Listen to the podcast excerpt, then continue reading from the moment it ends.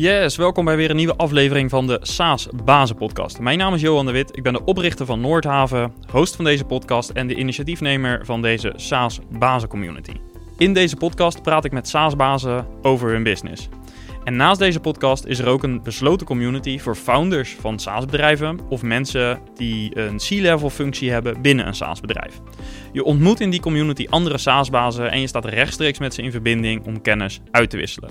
Ga naar community.saasbazen.nl. Vandaag praat ik met een SaaS-baas, Jan-Martijn Broekhoff, oprichter van Guardian 360. Op de homepage van het bedrijf van Jan Martijn staat SaaS, maar dan niet software as a service, maar security as a service. En daar wil ik natuurlijk alles over weten. Ze ontwikkelde daarnaast ook een SaaS-platform, Lighthouse. En daar praten we vandaag over, want ook daar wil ik natuurlijk alles over weten. Maar vooral interessant uh, voor vandaag zijn partnerships. Als jij met jouw SaaS-oplossing een partnermodel wilt opzetten, of misschien al hebt en dat wilt uh, optimaliseren, dan is deze aflevering extra interessant. Want Jan Martijn heeft een uh, businessmodel waarbij hij uitsluitend via partners werkt. Hij deelt zijn tips hierover en hij geeft ook aan welke fouten je uh, ja, moet willen vermijden. Daarnaast praten we ook over het internationaal uitbreiden, ook dus weer via partners. En we hebben het over leiderschap, over de organisatie. Daarnaast uh, valt het me op dat Jan Martijn zijn kennis heel graag deelt. Dat doet hij al in de community, in de SaaS Bazen community, maar ook vandaag in deze podcast. Hij deelt veel kennis en inzichten die hij in zijn uh, inmiddels toch wel lange carrière als ondernemer heeft opgedaan. Uh, en dus niet alleen over beveiliging, over het vakinhoudelijke gedeelte, maar ook over het ondernemen zelf. Uh, en dus eigenlijk allerlei zaken waar SaaS-bazen ook mee te maken hebben. Kortom, we gaan snel naar het gesprek. Ik wens je heel veel luisterplezier.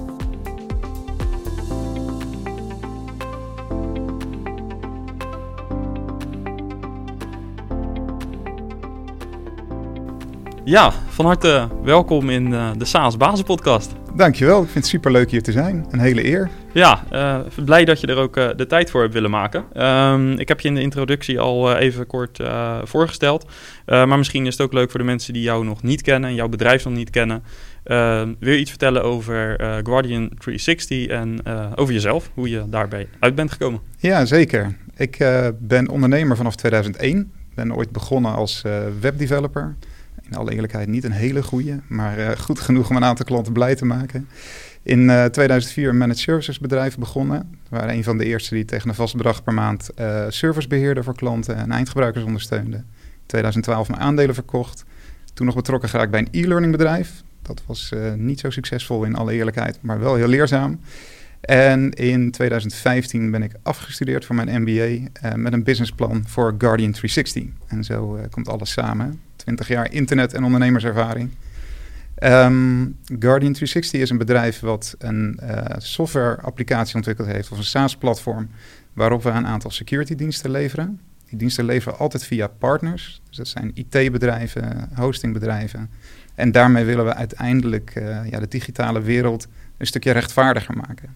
Ja. Dat is een behoorlijke ambitie. Ja, dat is inderdaad een mooie ambitie. Daar gaan we het zo ja. denk ik uh, ongetwijfeld over hebben. Um, even voor, voor het beeld. Uh, doen jullie dat nu met name in Nederland? Of hebben jullie ook internationale activiteiten al? Nou ja, de ontwikkeling gebeurt voornamelijk in Nederland. Um, we zijn in Nederlands eigendom. Hè. Ik ben zelf aandeelhouder samen met een Nederlandse investeerder. En um, we hebben een team dat bestaat uit Nederlanders. Het is wel zo dat een van onze collega's uh, al vanaf het begin vanuit Thailand werkt. Dus het is een Nederlandse collega ook Nederlands paspoort, gewoon helemaal uh, ook, uh, juridisch uh, helemaal Nederlands.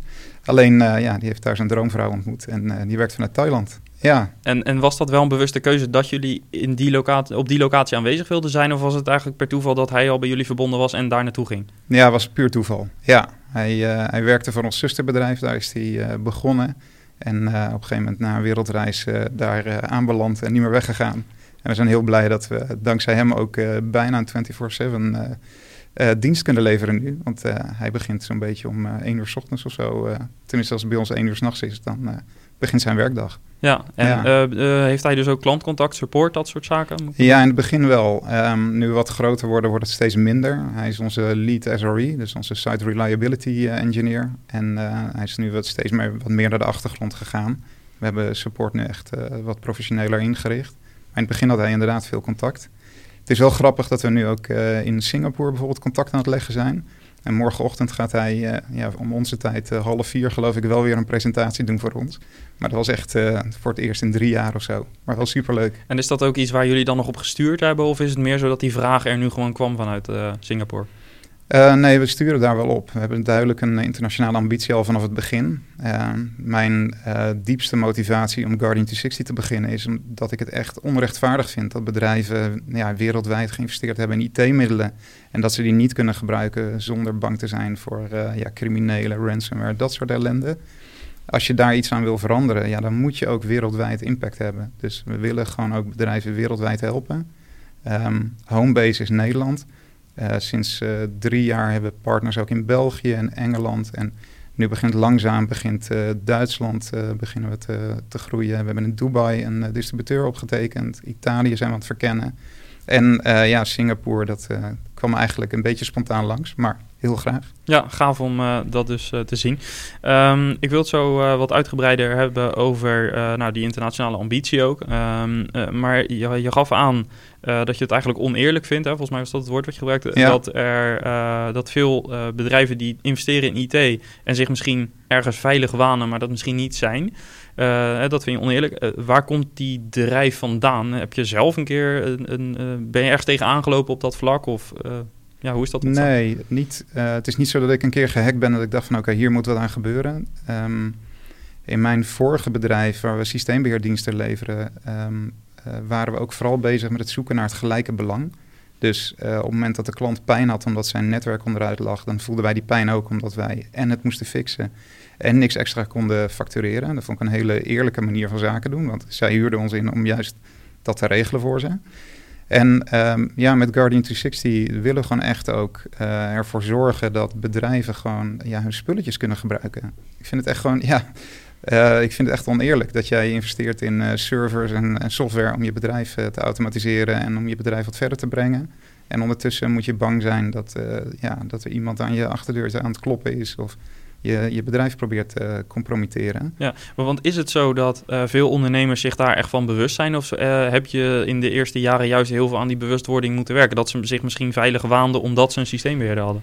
Ja, um, informatiebeveiliging was vijf jaar geleden nog niet echt een topic binnen het MKB. Wij zagen dat echt wel als een, een greenfield of een blauwe oceaan om uh, daar te starten. Maar dat betekent ook dat je uh, heel veel moet evangeliseren. Dat is ook wel een van de redenen dat we met partners werken, want die IT-bedrijven die hebben het wel snel in de gaten. Um, door ontwikkelingen zoals uh, de meldplicht datalekken, de BIG, de normering binnen gemeenten die in 2017 van kracht werd de AVG en ja, de toenemende aandacht voor allerlei cyber-ellende, zien we wel dat klanten steeds meer beginnen te begrijpen dat ze dit moeten doen. En dat een uh, antiviruspakketje lang niet meer genoeg is. Nee, dat, ja, uh, klopt. Uh, de media doet daar natuurlijk wel zijn werk in, want je hoeft maar ja. op een gemiddelde nieuwswebsite te kijken en je ziet voldoende berichten van allerlei datalekken en situaties waar het misgaat. Ja, dat klopt. Dat is ook een beetje jammer. Um, vanuit Guardian 360 willen we ook op een rebelse wijze eigenlijk rechtvaardigheid terugbrengen. Dus een beetje tegendraad zijn we wel. We willen juist ook niet al die ellende steeds maar presenteren en het hebben over boetes en datalekken. Maar aan de andere kant, ja, dat is wel de realiteit. En een ondernemer is vaak niet uh, zo dat hij ons belt en zegt... nou, ik ga eens even lekker mijn informatiebeveiliging regelen. Dat doet hij wel omdat hij zich zorgen maakt over iets. Dus we proberen wel balans te vinden tussen nou, in hoeverre mag het een beetje schuren? Hè? Dat mensen wel bewust zijn zonder dat je ze maar. Ja, je wilt geen bangmakerij zijn. Nee, je moet ze niet bang maken. Nee. Uiteindelijk gebeurt er dan niks. Nee. Um, dat rebelse, waar zien we dat in terug bij jullie bedrijf? Hoe probeer je dat in de organisatie of ook in communicatie terug te brengen? Ja, dat we echt wel een beetje um, uh, eigenwijs zijn eigenlijk in onze aanpak. Dus uh, waar heel veel bedrijven nu geloven dat je maar mensen moet aannemen om allemaal security werk te doen, zeggen wij juist van, joh, die mensen zijn er gewoon niet. Uh, automatiseer dat werk gewoon weg. Uh, maar een heleboel um, ja, partijen in onze branche geloven dat je maar zoveel mogelijk informatie of eigenlijk data moet presenteren om uh, uiteindelijk chocola van te maken. Zeggen wij van joh, wij maken gewoon keuzes voor onze partners en klanten. We laten gewoon bewust dingen niet zien, omdat we vinden dat het gewoon, ja, gewoon de, de spaarzame tijd die een partner heeft voor security, moet daar niet aan opgaan. En zo zijn we wel op een aantal vlakken gewoon ja, een beetje tegendraads en doen we het een beetje anders dan, uh, dan anderen. Ja, Ehm, kun je nog wat meer vertellen over het product? Want uh, we zitten in de SaaS Bazen podcast, dus het gaat voornamelijk ja. over uh, SaaS Bazen, dus over software as a service. Um, hoe ziet jullie product eruit en voor wie is het? Je gaf al aan, we doen het via partners. kun je ja. een soort van use case schetsen waarin julst product het best tot zijn recht komt? Ja, als je begint bij de eindklant, dan hebben we eindklanten die um, bijvoorbeeld willen dat ze rustig kunnen slapen met het idee van hé, hey, er wordt over mijn netwerkomgeving gewaakt. Dat, dat is een case. Een andere case is dat een, uh, een klant ISO 27001 gecertificeerd moet zijn of wil zijn en uh, ja, voor die certificering gewoon scanning en monitoring nodig heeft en ook uh, opvolging moet geven. Andere case is een auditor, die, een, een, organisatie die gecertificeerd is, wil auditen en gewoon wil zien welke evidence is er nou dat zo'n organisatie een controle is. De reden dat we met partners werken is dat um, heel veel security heeft toch te maken met techniek. Ondanks dat we ook kijken naar het menselijke aspect en de processen, hebben gewoon uh, eindklanten ook hulp nodig van een partner ja, waar ze al prettig mee samenwerken. En dat is de reden dat we ook graag uh, met de IT-partijen samenwerken, want die kennen die klant gewoon goed. En die snappen ook dat als wij een bepaald risico in kaart brengen, wat het business risk voor die klant is. De klant kan het zelf wat minder, uh, minder goed inschatten. Ja, en, en jullie misschien, uh, en, en voor jullie wordt dit schaalbaarder doordat je met partners werkt. Klopt, ja, we willen echt focussen op het SaaS-platform. We hebben het Guardian 360 Lighthouse platform hebben ontwikkeld. Daarop leveren we nu acht verschillende security diensten. Deels uh, gerelateerd aan techniek, deels gerelateerd aan het menselijke aspect van security en deels aan de proceskant. Uh, en wat we willen doen is enerzijds nou, kijken vanuit risk management perspectief wat we kunnen doen om zoveel mogelijk ellende te voorkomen. Maar we sluiten onze ogen ook niet voor de werkelijkheid. Het kan gewoon een keer misgaan, dus we proberen ook te detecteren. En we hebben nagedacht hoe een partner ja, de financiële schade voor zijn klant een beetje kan beperken. Ja. En dat doen we allemaal in abonnementsvorm uh, vanaf ons platform. Ja, en dat uh, rekenen jullie door aan de partner. En de partner die verwerkt dat in uh, de dienstverlening richting eindklant. Ja. Um, hoe ziet zo'n sales traject naar zo'n partner eruit? Komen ze vaak naar jullie toe of zoeken jullie ze actief op? en zo ja, wat is jullie pitch?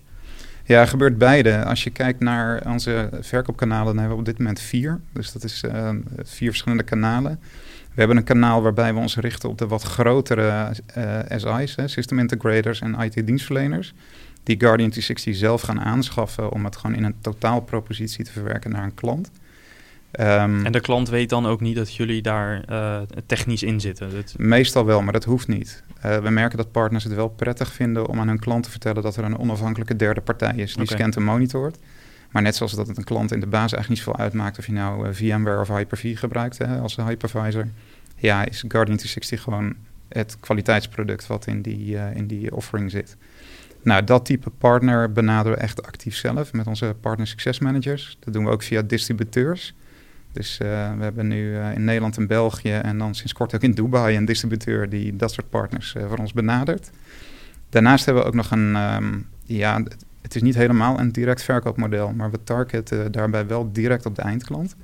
En daarmee genereren we niet alleen sales qualified leads voor onze partners, maar we proberen ook echt orders bij ze te laten landen. Dus we proberen het salesproces iets te versnellen door ja, gewoon klanten online te laten onboorden en uiteindelijk de hele dienstverlening en de onboarding en het uh, advies daarna, dat wordt door de partner gedaan. Ja, dus, en uh, kijken jullie dan naar regio bijvoorbeeld? Uh, als als de eindklant in een specifieke regio zit, dan wijzen jullie het toe aan een partner die daar actief is? Of nee. gaat dat op een andere manier? Ja, dus we hebben um, sowieso in ons partnermodel hebben we verschillende partnerstatussen. Dus alleen onze platinum partners krijgen dat soort orders van ons. En met platinum partners kijken we ook van joh, in welke branche wil je leads van ons ontvangen of orders van ons ontvangen.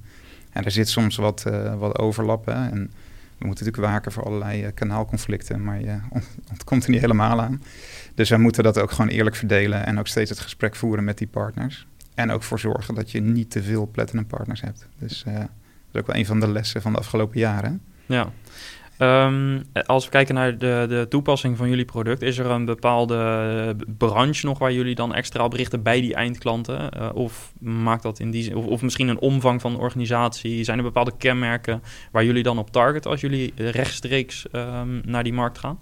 Ja, um, toen we begonnen in 2015 hebben we heel erg gekeken naar de gezondheidszorg, naar de e-commerce, uh, lokale overheid en de vierde weet ik even niet meer. Um, En we merken dat we nog steeds binnen de gezondheidszorg en de financiële instellingen bijvoorbeeld gewoon heel veel klanten hebben. En dat is ook wel logisch, want die hebben gewoon of te maken met financieel gevoelige data of pensioen, Persoons, persoonsdata.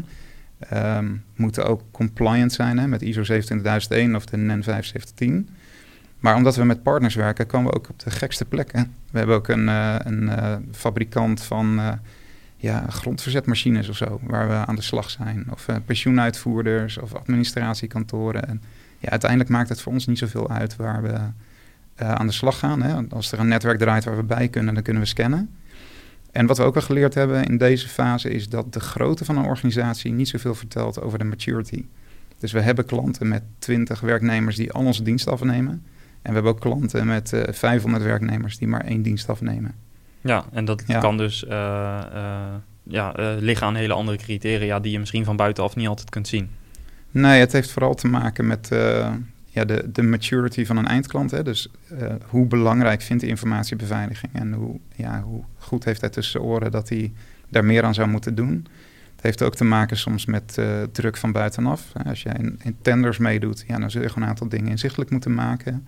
Uh, dus dat is ook een reden om te laten scannen en monitoren of iets met awareness te doen. Um, en er is, ja, weet je, net zoals dat je met autoverzekeringen mensen hebt die WA verzekeren en andere all risk ja, de, de all-risk verzekeraars, dat zijn onze early adapters geweest. Ja. ja. Um, ik wil het eigenlijk even hebben over uh, het, partnergedeelte. Uh, er zullen ongetwijfeld luisteraars zijn die een SaaS-oplossing hebben en uh, ook bezig zijn met een partnerstrategie of ook partners willen aan, aansluiten op hun platform. Um, wat voor tips of is, er, is er een bepaalde blueprint op basis van jouw ervaring die je zou kunnen delen om wat, je, wat je absoluut wel en absoluut niet moet doen als je een partnernetwerk gaat opzetten? Ja, wat ik geleerd heb is um, sowieso om gewoon heel scherp te zijn aan het begin op de type partnerships die je hebt. Ik, dit, dit bedrijf is het eerste bedrijf wat met partners werkt, dus ik heb denk ik alle beginnersfouten gemaakt die er zijn. Uh, te beginnen met gewoon al te veel commitment, te veel commissie geven aan iedereen die maar partner wil worden. Dus we hebben ook eind vorig jaar hebben, samen met onze partner director ja, het aantal platinum partners bijvoorbeeld fors teruggebracht. Dus wees daar kritisch op. Um, ja, als je partners gaat selecteren, dan doe je dat omdat zij al iets doen waar je makkelijk mee kunt liften. Maar dat betekent ook dat ze niet primair focus hebben op jouw dienst of op jouw product. Um, en uh, ja, je hebt gewoon een aantal rollen te overtuigen in zo'n organisatie. Dus ik heb ook wel geleerd dat je niet alleen het management, hè, de ondernemer mee moet mee hebben, maar ook de sales uh, mensen en de technische mensen. En dat je gewoon in de eerste sales cycles gewoon, ja, of je moet ze klanten aandragen, of heel nauw betrekken en laten zien nou ja, hoe je dat makkelijk doet. Um, want als je het makkelijk maakt voor ze, dan kunnen ze het ook weer makkelijk reproduceren. Ja, ik heb wel eens gehoord, hè, voordoen, samen doen, zelf doen. Een beetje dat ja. ritme. Dus dat je eerst de eerste 10, 20 klanten samen, of, of, dat je het eigenlijk aangeeft van, nou, dit is ongeveer de pitch die je hebt. Uh, de, zo sluit je het aan, dit zijn de, de stappen. Absoluut, ja. Uh, dat je het dan samen doet en vervolgens dat ze dat zelf kunnen doen. Ik ben benieuwd naar nog meer lessen en inzichten op dat gebied. want ik denk dat dit er al twee waren die best wel een, een, goed inzicht kunnen zijn. Zijn er nog andere zaken in dat proces waarvan je zegt van nou, dat hebben we achteraf misschien terug moeten draaien? Of als ik het nu opnieuw zou doen, pak ik het anders aan? Nou, ik, je zei net samen doen. Um, kijk, heel veel partijen die zeggen dat ze partneren, die zitten toch in een soort verkapte klant-leverancierrelatie. En als je gaat partneren, dan moet je ook echt af en toe met de billen bloot. En dat betekent dat iemand uh, invloed uh, kan hebben op jouw product development backlog. Of dat je af en toe even op de blaren moet zitten omdat je iets beloofd hebt wat je niet waar kunt maken. Ik heb wel geleerd als je je partners daarin meeneemt in dat proces, dat ze ook wel ja, loyaal aan je zijn. Hè? Dus je moet niet verbloemen en ja, gewoon wel echt daarin partneren. Um, ik zie ook dat er bedrijven zijn die naast hun partnerstrategie ook nog een directe salesstrategie hebben. En dat is iets waar ik zelf geen voorstander van ben, omdat je dan gewoon gaat concurreren met je partnerkanaal. En uh, ja, een Microsoft of een SAP of zo, die, die doen dat. Hè, en dat wordt ook geaccepteerd in dat partnerkanaal. Maar juist omdat wij nou ja, gewoon willen groeien en eigenlijk, ja, ik wil gewoon geen kanaalconflicten. Misschien is dat ook een belangrijke les. Zorg gewoon dat je dat vermijdt. Um, en zorg ook wel dat je het gesprek ook gelijkwaardig voert met je partner want je kunt heel veel sales tijd erin steken en webinars doen en joint marketing en al die dingen. Maar je mag van je partner ook wat verwachten en dat gesprek moet je ook durven voeren. Ja. Dat is wel belangrijk. Hè? Dus uh, duidelijke uh, commitments afspreken, wat je ook van hun terug verwacht. Ja. Um, uh, hoe ziet zo'n zo evaluatiemoment uit? Of hebben jullie bepaalde wekelijkse, maandelijkse, elke kwartaal een call of presentaties? Hoe ziet dat uit? Ja, dat hangt een beetje van de partnerstatus af.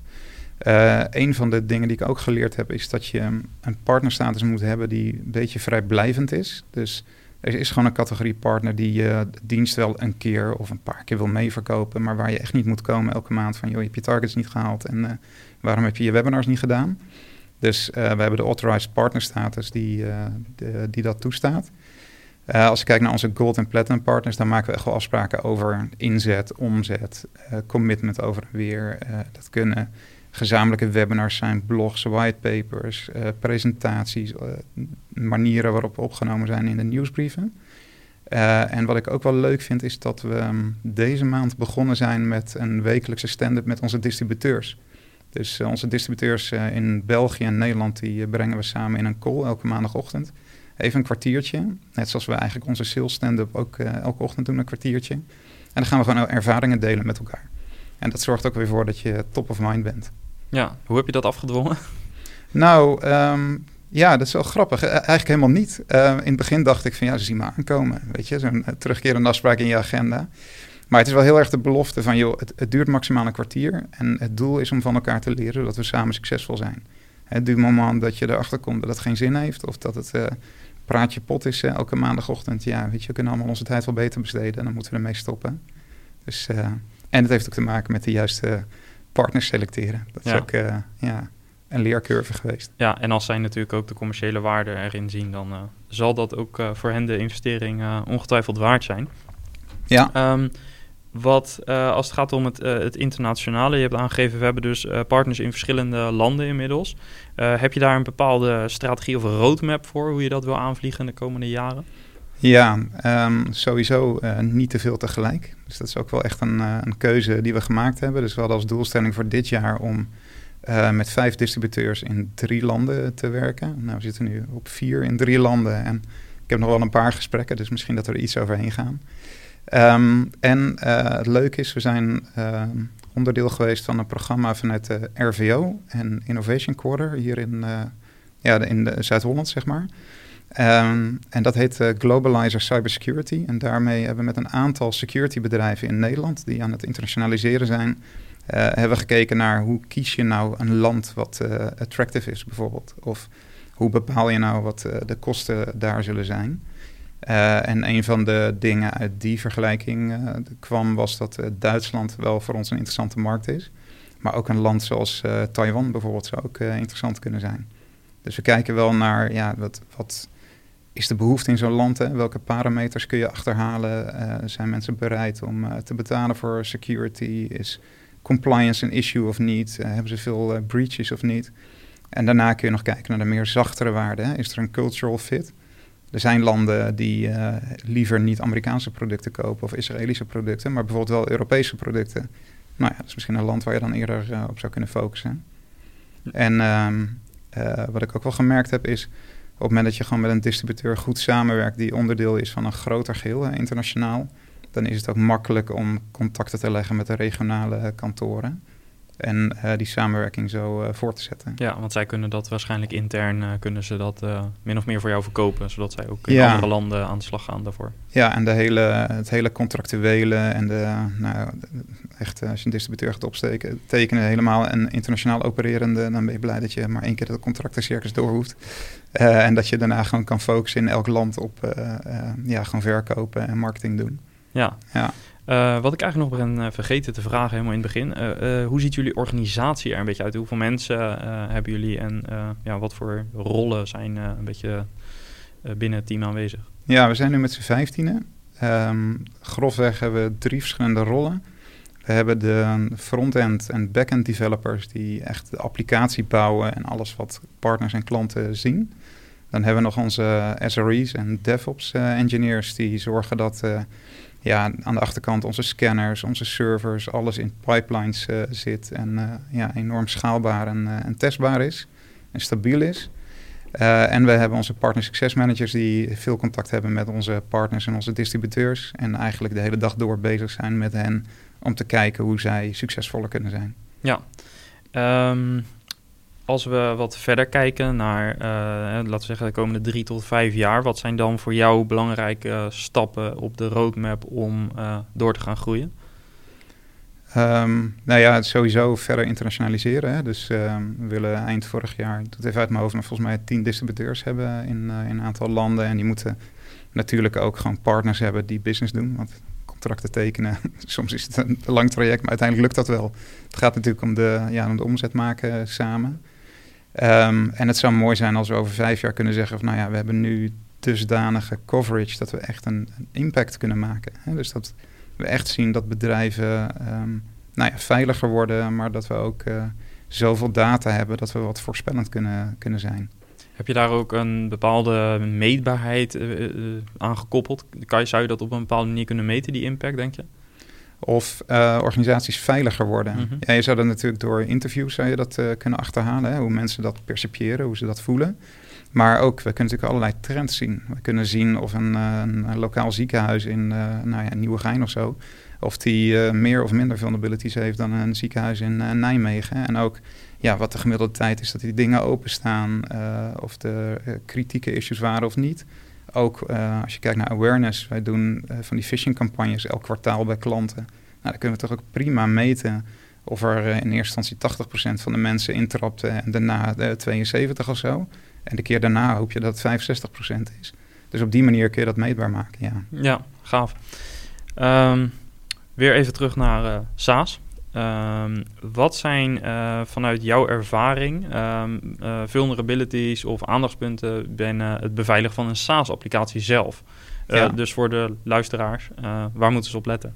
Ja, een SaaS-applicatie is natuurlijk een, een webapplicatie die gehost wordt op servers. Nou, zowel in de webapplicatie als op de servers kun je kwetsbaarheden hebben. Dus we hebben um, onze eigen webapplicatie testen we natuurlijk. Hebben we ook uh, opgedeeld in een aantal systemen. Dus het is allemaal gesegmenteerd. En op het moment dat het toch iemand lukt om de frontend te compromitteren, komt hij niet zomaar weer een systeem verder. Dus op die manier hebben we echt wel gesegmenteerd. En het is, um, ja, weet je, Um, ik hoorde gisteren iemand te vergelijken maken. Hij zei, ja, als je een e-mail tikt, dan uh, tik je ook vaak wel een foutje. Nou ja, dat is hetzelfde als met coderen. Uh, ook programmeurs maken foutjes. En je kunt dingen afvangen met geautomatiseerd testen en code coverage en linting en nou ja, vier ogen principe en pair program. Maar in die end is altijd gewoon nog een kans dat er een, een issue is. en wat het nare is van software en hardware, is dat je nu misschien inzichtelijk hebt dat er geen issues zijn in jouw omgeving die we kennen. Maar opeens is er morgen een issue ontdekt door een security engineer in Pakistan of zo. En dan heb je opeens een probleem. Dus um, ik weet niet of ik een helemaal goed antwoord geef op je vraag. maar je hebt allerlei security issues. Ja, sommige issues die we vinden zijn echt basics. Cross-site scripting, SQL injection. Ik denk, ja, dat wisten in 2003 ook wel dat je dat moest afdekken. Maar ook hele geavanceerde dingen kan wel tegen. Ja. Heb jij een beetje een beeld hoe het gesteld is met, uh, en dat is een brede vraag, dat snap mm -hmm. ik, maar hoe het gesteld is met de, het beveiligingsniveau van de meeste Nederlandse SaaS-applicaties? Nee, ik kan daar niet echt iets over zeggen. Um, ik denk op zich prima, goed. als ik een beetje zo beluister hoeveel incidenten er zijn. Ja, tegelijkertijd komen natuurlijk ook niet alle incidenten in de krant. Ehm, maar ja. Het volwassenheidsniveau is hier oké, hoor ik je zeggen. Ja, en, Nederland loopt ook wel in veel dingen voorop. Hè? Dus ook binnen Europa. Het is wel leuk als je nu veel contact opbouwt in België bijvoorbeeld. Ze kijken dan toch wel echt naar Nederland als een voorloopland. Um, en wij zijn samen met Engeland, ik geloof een paar landen in de Nordics, ook wel een van de eerste landen die nieuwe ja, ontwikkelingen adapteren vanuit uh, Noord-Amerika bijvoorbeeld. Dus uh, security heeft hier al langer aandacht in dan de landen om ons heen. Uh, en ik denk dat dat ook wel voor zorgt dat we verder zijn dan de landen om ons heen. Ja, ja. En, en, dat kan dus uh, je ook uh, fijn zijn om de voorsprong op te bouwen vanuit ja, jullie bedrijf op dit moment. Ja, ja. absoluut. Ja. je begon eigenlijk al met nou ja, de nodige ondernemerservaring. Hè? Ja. je hebt behoorlijk wat meters in de benen. Ehm, je gaf ook aan, ik heb vast niet alles altijd goed gedaan. je hebt uiteindelijk ook besloten, dus later, op, later in het proces, om een MBA te gaan volgen. Ehm, als je nu terugkijkt naar wat je in al die jaren voornamelijk hebt geleerd, um, zou je daar wat highlights uit kunnen halen? Ja, nou, als ik kijk naar dat e-learning bedrijf bijvoorbeeld, wat we hadden, dat was. Um, ik, ben nog steeds, ik vind nog steeds een briljant uh, businessmodel. Kun je er iets over vertellen hoe dat, ja, ja, wat, idee was? Ja, wat wij bedacht hadden was om via een uh, e-learning platform uh, educatie te maken voor volwassenenonderwijs. deals te maken met uitgevers of in ieder geval de eigenaren van de content. Om samen daar e-learning van te ontwikkelen. En die e-learning wereldwijd te verkopen via trainingsbureaus. En daar komt dat gelijke belang ook weer uh, kijken. Hè. Dus uh, daar werd dan afgerekend in die hele keten op het moment dat er een, uh, een training werd afgenomen. En ik vind nog steeds, ja, ik, ik, weet dat gewoon uitgevers op een hele mooie content zitten waar je dan wel voor een miljoen een licentie voor kunt kopen. Maar ja, de gemiddelde e-learning bouwer die, die heeft dat geld gewoon niet klaar liggen. Terwijl er wel een globale markt is. Um, maar dat was echt, um, dat is misgegaan omdat we echt te vroeg waren. Um, en ook gewoon niet op het juiste moment in de tijd. Dus uh, we deden dat in 2012, uh, daar begonnen we ermee. Uh, en wat je toen zag, is aan de ene kant dat uitgevers er helemaal nog niet zo klaar voor waren om content op die manier ja, te verkopen eigenlijk. Hè? Gewoon een ander soort verkoopmodel. En wat we ook zagen is dat door de financiële crisis zaten heel veel trainers zaten op de bank. En trainingsbureaus hadden zoiets van ja, ik ga liever zo'n trainer voor de klas zetten dan dat ik jouw e-learning verkoop. Dus het valideren van je idee, dat is wel een hele goede. Ja, dus timing hierin dus met name ook? Ja, en timing hadden we kunnen weten als we het beter gevalideerd hadden. Ja, hadden echt wel het idee van, hey, dit moeten we doen, gaaf, een markt voor. En uh, gingen rennen. Maar dat gaat met Guardian 360 echt een stuk beter gegaan. ja. hoe, hoe heb je dat gevalideerd? Nou ja, Guardian 360 is echt het resultaat van mijn afstudeeronderzoek. Dus toen ik aan mijn MBA begon, had ik niet per se het idee om een nieuw bedrijf te starten. Ik wilde gewoon mijn eigen wijsheid van 15 jaar daarvoor nog eens een plekje geven. Daar vertel ik zo wat meer over. Um, en ik mocht uh, voor Intermax in Rotterdam, een, uh, een, hostingpartij die toen nog aan de WNA Zuid zat en tegenwoordig aan het Schouwburgplein, uh, mocht ik onderzoek doen. enerzijds naar de, gewoon de ontwikkeling binnen de hostingindustrie met de toetreders uit Amerika. En anderzijds ja, had Intermax certificering en security al heel lang hoog in het vaandel. En de directeur-eigenaar van Intermax zei toen, ja, daar zit volgens mij gewoon meer markt. Kun je dat onderzoeken? En gaandeweg dat onderzoek ja, is daar een heel bedrijfsplan uit ontstaan. Ja. ja, en toen ben je daar dus zelf aan begonnen. Ja. kun je dan toch nog wat meer vertellen over die eigen wijsheid? Want dat maakt me ja. nieuwsgierig. nee, ja, ik heb met veel pijn en moeite heb ik ooit de HAVO afgemaakt. En ben nog twee jaar MTS gaan doen. Elektro met uitstroom informatica. Ik heb toen geen stage gelopen, want ik ging door naar het HBO. En heb ik een jaartje informatica gedaan. Een jaartje mediatechnologie. En daarna ben ik gaan werken voor een internetbedrijf. En heb nog in de avonduren HEO gedaan. Ik dacht, ik moet gewoon iets, iets doen.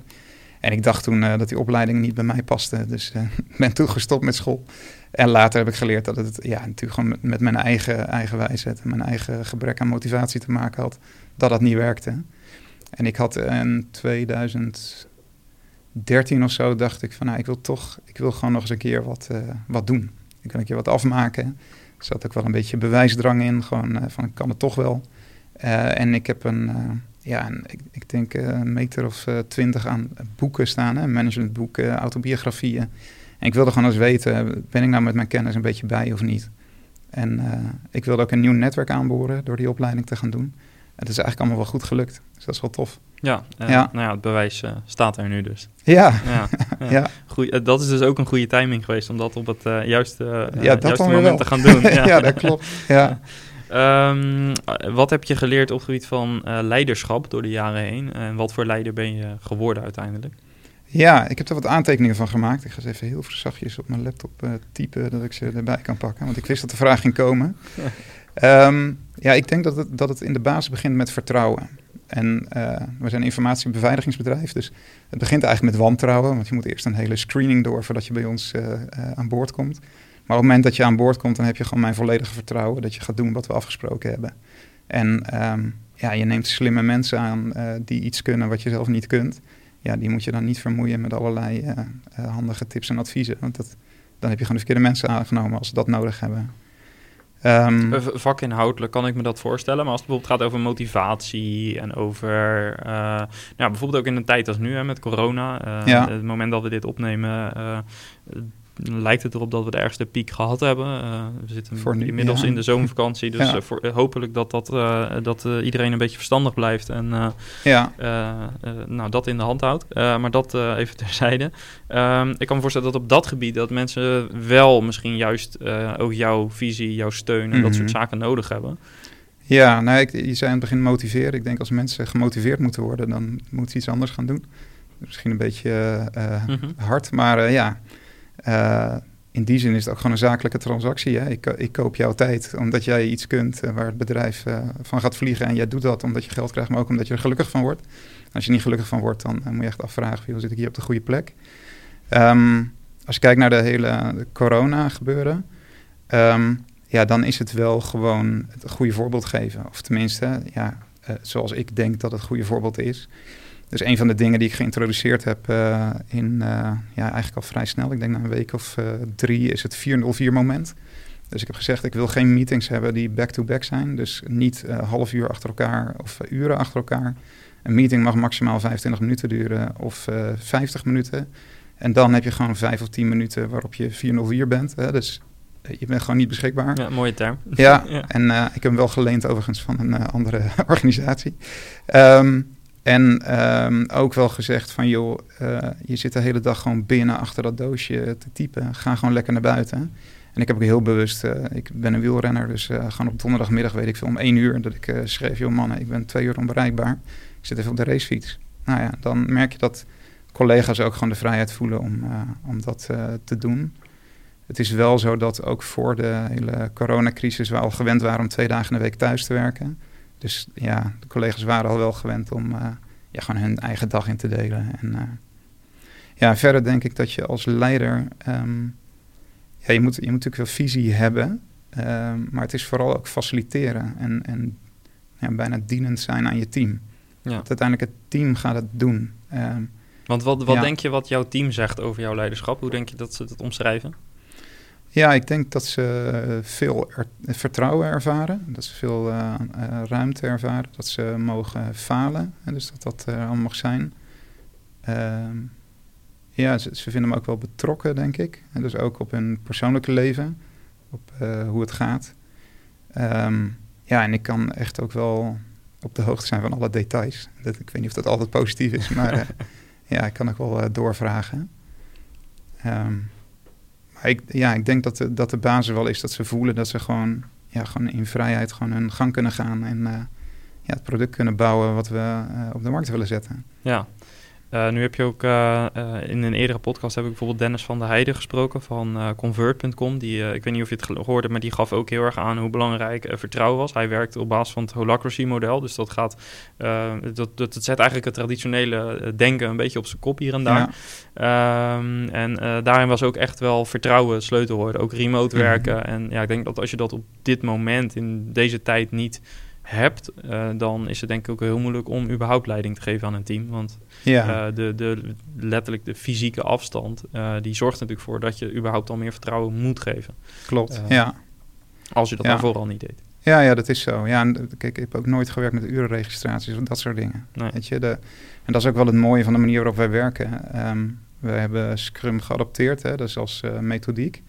Um, en als team bepalen zij wat ze gaan doen de komende twee weken. En het is ook wel gewoon duidelijk onderling uh, wie wat doet en hoeveel werk je erin oppakt. En ik merk ook dat uh, tijdens de, de technische stand-up ochtends... dat ook echt wel gevraagd wordt van... joh, loop je ergens op vast? Of uh, hè, dat mensen ook wel durven aan te geven... Joh, ik heb wel het idee dat ik nou echt heel veel oppak. Kunnen we de lood wat anders verdelen? dus dat gesprek wordt zeker wel gevoerd, ja. Ja, uh, je klinkt als iemand die uh, en heel zelfbewust is, maar ook dus uh, veel nieuwsgierig, heel nieuwsgierig is en veel nieuwe dingen wil leren. Getuigt mm -hmm. het feit dat je ook later nog de MBA bent gaan doen, maar ook de boekenkast vol hebt en veel kijkt naar, naar manieren om dingen te verbeteren. Um, wat is een, een, thema wat jou heel erg bezighoudt, waar je nieuwsgierig naar bent? Of als je nu vier uur extra in de week zou hebben, over zou hebben, waar zou je dan in verdiepen? Hoeft niet eens misschien vakinhoudelijk te zijn, maar wat, wat, uh, zou, dan, uh, wat zou je met die vier uur doen? Ja, leuke vraag. Um, Ja, dan zou ik toch wel meer bezig zijn met mijn geloof of zo. Ik ben christelijk en dat, ja, dat probeer ik wel ook gewoon helemaal in mijn werk te brengen. Dus het is ook wel een. Misschien komt ook dat, dat rechtvaardigheidsgevoel zo komt er ook wel uit voort. maar daar zou ik nog wel wat meer tijd in willen steken dan. Um, en ook, ook, in relatie tot het werk, zou je daar dan, haal je daar bijvoorbeeld ook weer inspiratie uit om in je werk mee te nemen? Of, ja, het, het, ehm, kijk, ik ben van nature helemaal niet zo geduldig, bijvoorbeeld. Of ik ben eh, van nature iemand die nogal snel mensen in een hokje stopt. Of ja, vrij snel ja, een beslissing kan nemen of een keuze kan maken. En het, het, het zorgt wel voor dat ik wat ja, zachter ben of zo. Of wat geduldiger, ja.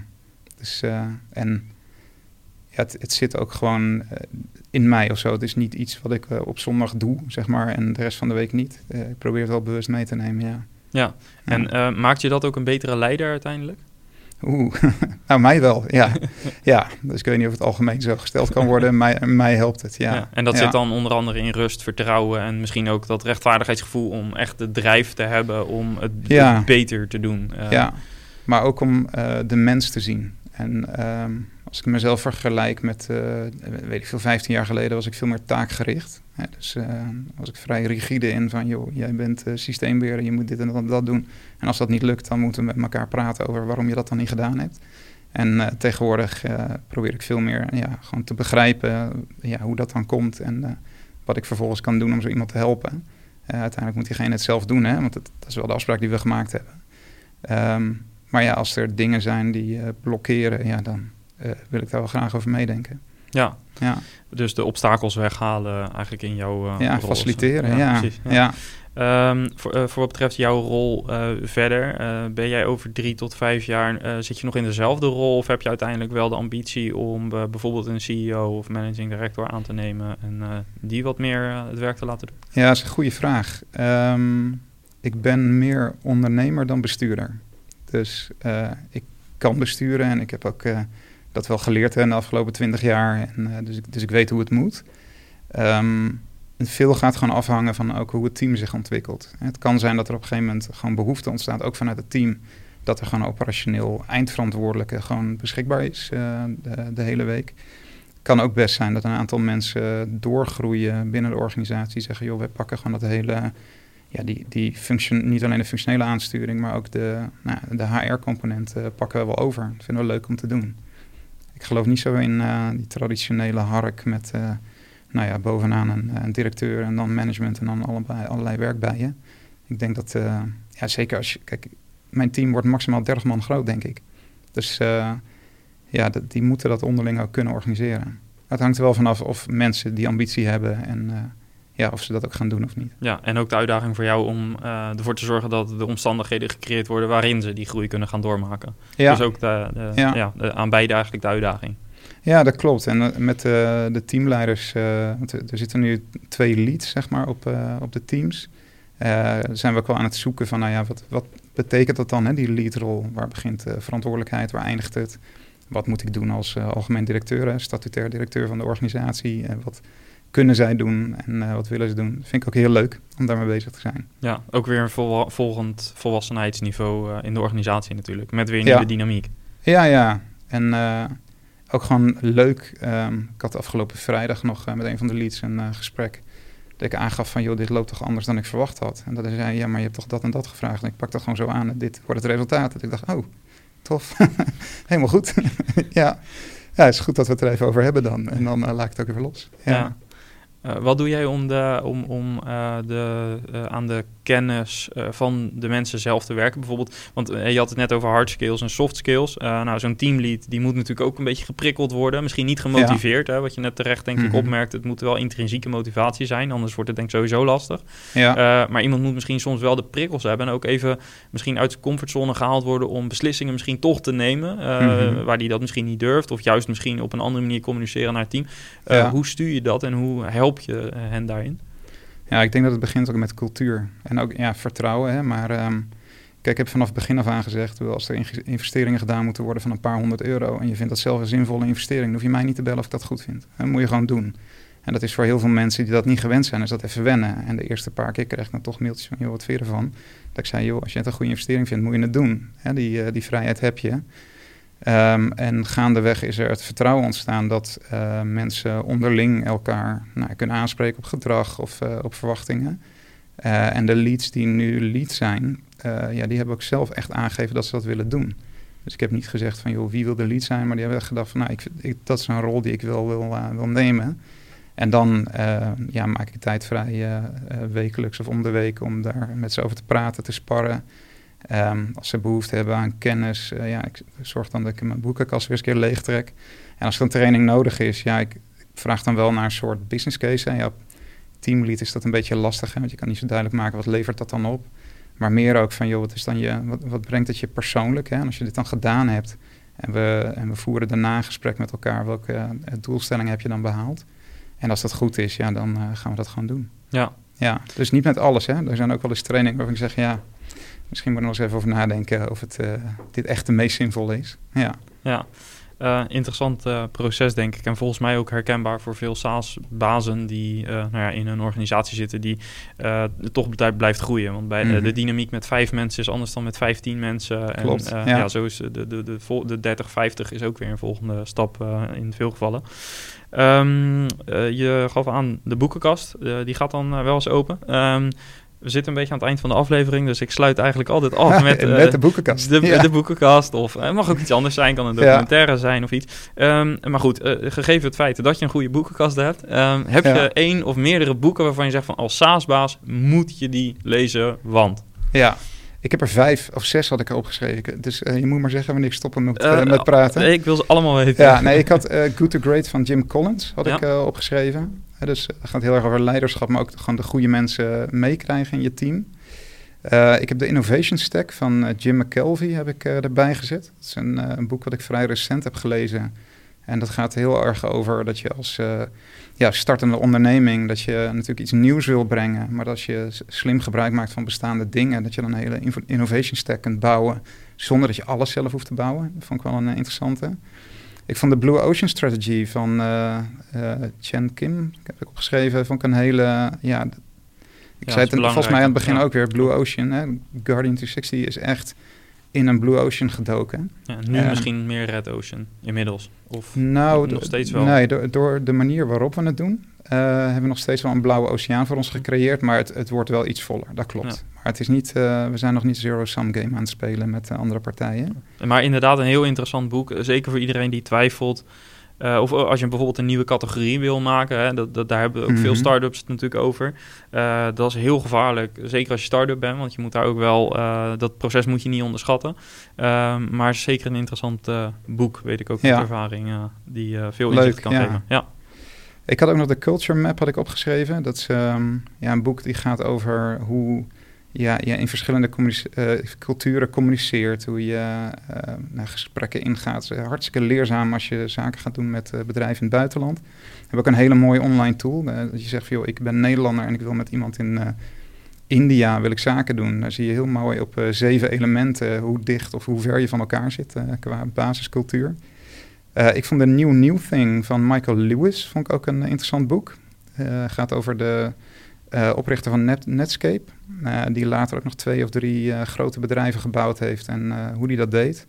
en de laatste is Zero to One van Peter Thiel. vond ik ook een goed boek. wat ook echt weer mij ja, aan het denken heeft gezet van... Ben ik nou echt iets nieuws aan het brengen... of alleen maar de verbeterde versie van iets anders. Hè? Dus de, de stap van 0 naar 1, die, ja, dat is een mooie. Hè? Ja, ook oprichter, medeoprichter van PayPal uh, onder andere ook. Ja, ja, klopt. Ja, ja die zit uh, bij behoorlijk wat bedrijven. Ja, zeker. Ja. Mag ik ook nog een paar tips noemen of niet? Ja, heel graag okay. zelfs. Ja, ik ben er vol op. Ja, ik had hem helemaal voorbereid. Dus, nee, nee, alles, zo ik, wil, we. ik wil alles weten. Ik wil alles. Ja. nou ja, ik denk als ik kijk naar Guardian 360... Um, we hebben de afgelopen vijf jaar hebben, uh, focus gehad op dat softwareproduct. Um, dat, dat kan ook omdat we op aandeelhoudersniveau voldoende diepe zakken hebben om dat te kunnen doen. Maar we hebben steeds gekozen om ons niet af te laten leiden tot uh, korte termijn dingen die omzet opleveren. We hebben steeds gezegd oké, dat doen we niet. Hè. Dit is ons ding. Dus we hebben echt wel die focus kunnen vasthouden. En als je die uh, luxe kunt creëren voor jezelf, dan, uh, ja, dan zou ik echt gaan voor langere termijn schaal en omzet dan op korte termijn een beetje euro's schrapen. Uh, tweede is gewoon, ja, pick up the phone. Misschien voor een SaaS-bedrijf een beetje vreemd, hè? want je wil natuurlijk het liefst dat alles online gebeurt. Maar je moet gewoon bellen, gewoon bellen, valideren, uh, partners spreken, distributeurs spreken, doorvragen. Waarom zou je het doen, waarom zou je het niet doen? Uh, daar begint het gewoon mee. Ik kan er niet meer mee eens zijn. Ik heb gisteren toevallig uh, een LinkedIn-post, een, een, video van een minuut of 25 gepost. Die ging daar heel erg over. Uh, dat heel veel uh, SaaS-startups, uh, misschien generaliseer ik nu te veel. Ik zie regelmatig SaaS-startups, ja. nu nuanceer het een beetje, die heel snel met marketing automation aan de slag willen en heel snel alles willen automatiseren. En als ik dan vraag van hoeveel klanten heb je al gesproken mm -hmm. of wie zijn precies je gebruikers, dat ze het dan niet precies weten.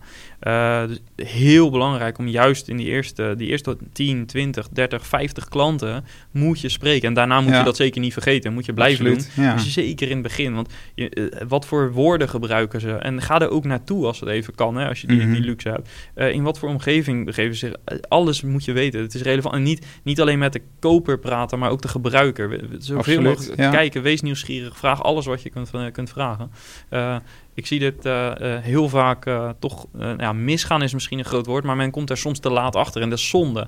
Want Ja. bellen is misschien niet leuk of, of koud mailen. maar doe het. Echt super belangrijk. Ja. Ja, het is natuurlijk ook een beetje wat in, die, in dat growth hacking zit. Hè? Dat je vooral veel gaat meten en uh, zo uh, online. Maar uh, ja, bellen is gewoon belangrijk. En je kunt ook gewoon eens doorvragen. Als iedereen, iemand gewoon een mooi verhaal ophangt, dan kun je zeggen, joh, maar er moet toch iets zijn wat, wat gewoon niet lekker werkt of wat je niet goed vindt. Um, het, het, het, raakt ook een beetje tweede ding. Mensen doen gewoon zaken met mensen. Hè? Dus je kunt een online businessmodel hebben. Um, maar je moet wel toch een soort van ja, menselijkheid daarin brengen. Dat, dat mensen daar herkennen en een relatie kunnen leggen. Um, en ja, mijn visie is wel om zoveel mogelijk te outsourcen. We hadden op jouw ja. uh, community hadden we een discussie over met een aantal mensen. Um, ik denk als je kijkt naar Guardian 360, dan zijn er twee dingen waar we heel goed in moeten zijn. Dat is innovatie en marketing. En dus dat zijn denk ik de twee dingen die wij uh, zelf moeten doen. En de rest, overigens voor marketing hebben we ook een deel geoutsourced, maar de, de regie ligt nog wel bij ons. Maar ik denk een heleboel dingen zoals HR en finance. En ja, dat moeten we allemaal zelf niet doen.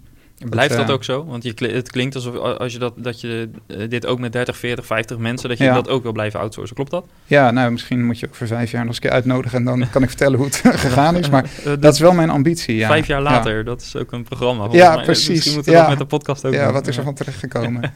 nou ja, ik, ja, dat is wel mijn ambitie. Uiteindelijk wil ik gewoon dat de, de mensen die bij Guardian 60 werken gewoon volledig bezig zijn met het beter maken van dat platform. En ervoor te zorgen dat uh, mensen weten dat het platform er is, zodat ze het ook gaan kopen. Want dat is ook uh, belangrijk. Ja, ja. Een, een, tegengeluid, want ik heb de discussie uiteraard ook een klein beetje gevolgd vanaf de zijde. En, en dit is natuurlijk een discussie die ook in bredere context uh, wel speelt. Hè. Moet je dingen outsourcen of moet je het wat meer in-house Mhm. mm -hmm. doen? Um, uh, een, een, tegengeluid kan zijn dat bijvoorbeeld HR, uh, een HR-manager of een recruiter, die moet op een gegeven moment die moet de cultuur proeven, die moet op de, op de ja. werkvloer bezig zijn. En dan kan zo iemand begrijpen, als ze jou ook als persoon goed Mhm. mm -hmm. kennen, uh, dan begrijpen ze echt wat voor mensen ze moeten recruiten. wat, wat, wat is jouw visie daarop? Ja, ik denk dat het ook afhangt van hoeveel mensen je wil aannemen. Kijk, mijn team gaat, als het gaat zoals ik wil, maximaal nog een keer verdubbelen. En dat is het. Ik heb niet een detacherende strategie of een, uh, een, een urenmaakstrategie waardoor ik gewoon heel veel handjes nodig heb. Kijk, als dat je core is, dan kan ik me voorstellen dat je een HR-manager wel of een, uh, een uh, recruiter wel gewoon zelf aanneemt. Dat, uh, ja, dat kan me voorstellen. Ja, maar omdat het bij jullie geen core proces is, doe je dat, besteed je het liever uit. Ja. En is dat vanwege efficiency of kwaliteit? Wat, wat zijn je belangrijkste motivaties daarvoor? Ja, het heeft te maken met focus. Hè? Dus uh, gewoon doen waar je goed in wil zijn en uh, waar je voor betaald wordt. En ik denk ook als wij één recruiter zouden aannemen, ja, zo iemand kan ik toch niet goed uh, begeleiden. Want hij heeft geen peers in de organisatie. kan beter gewoon een extern bureau vragen waar een aantal recruiters zitten en daar nauw mee samen gaan werken. En het heeft ook te maken met selectie. Dus ik kan de hele dag door kan ik nu bellen met recruiters. Uh, die benaderen me regelmatig. Uh, maar wij werken met twee bureaus samen en daar liggen de opdrachten. En die hebben geïnvesteerd in ons hè, ja. en wij ook in hun. Die kennen de organisatie ja, uiteindelijk ook. Ja, en kennen ze hem zo goed als dat ze bij ons aan de keukentafel zouden zitten lunchen? Nee, dat geloof ik niet. Um, maar we hebben wel een behoorlijk stevig wervingsproces. Waarin we ook kijken naar hoe zit iemand in elkaar, hoe past hij in het team hè, qua persoonlijkheid en hoe is zijn basishouding en hoe is zijn gewenste houding, uh, denkt hij, dat soort dingen. Ehm, dus ja, met, met dat soort tools kun je best goed die match toch maken. Ja. Ja. Eh, Ik kan niet op je scherm kijken, dus Nee. ik weet niet of we er doorheen zitten. Maar ik ben Ja, ik eh, eens even nadenken. Nee, volgens mij heb ik ze allemaal gehad. Er schoot me nog wel iets te binnen, maar goed. Misschien eh, eh, vertel ik die later nog een keer.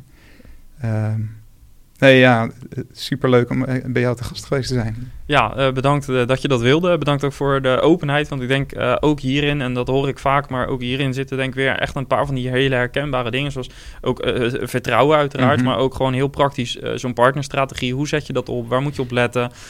Ik denk dat je echt een aantal dingen hebt genoemd waar je, als je daar zelf, misschien op basis van common sense, als je daarmee aan de slag gaat, dat je misschien gewoon op je bek gaat. En ja, Ja. eh, op deze manier is dat eh, eh, denk ik niet nodig. In ieder geval Mhm. niet op deze, deze vlakken. Eh, dus eh, ja, ontzettend bedankt voor de inzichten die je hebt willen geven, het eh, inkijkje. Bedankt ook voor je aanwezigheid in de community en het deelnemen aan de gesprekken daar. Ehm, en nou, misschien moeten we het inderdaad gewoon eens kijken of we dat over een tijdje, vijf jaar is erg lang denk ik, maar over een tijdje nog een keer kunnen doen om te kijken Ja. wat, wat dan de situatie is. En intussen tijd, ja, ik hou je natuurlijk in de gaten, maar ik wens je ook alle succes met eh, de ambitie en eh, met eh, de uitvoering daarvan. Dankjewel. Dankjewel Yes. voor de uitnodiging. Echt superleuk. En ja, met alle plezier kom ik nog een keer terug. Yes, gaan we doen.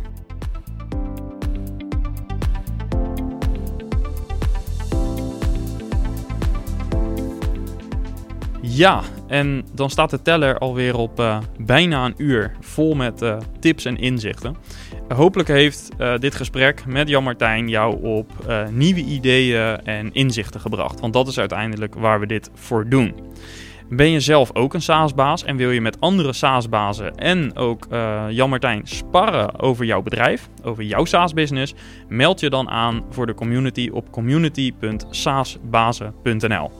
Of wil je liever één op één met mij samenwerken en nadenken over de groei van jouw SaaS-business? Voeg me even toe op LinkedIn en stuur me een berichtje. Dan kijken we eh, wat we voor elkaar kunnen doen. Was deze aflevering interessant voor je? Laat een review achter op de podcast player van jouw keuze of deel hem met een SaaS-baas uit jouw netwerk. Beide mag natuurlijk ook. Bedankt voor het luisteren. Ik zie je graag weer bij de volgende aflevering. Ciao, ciao!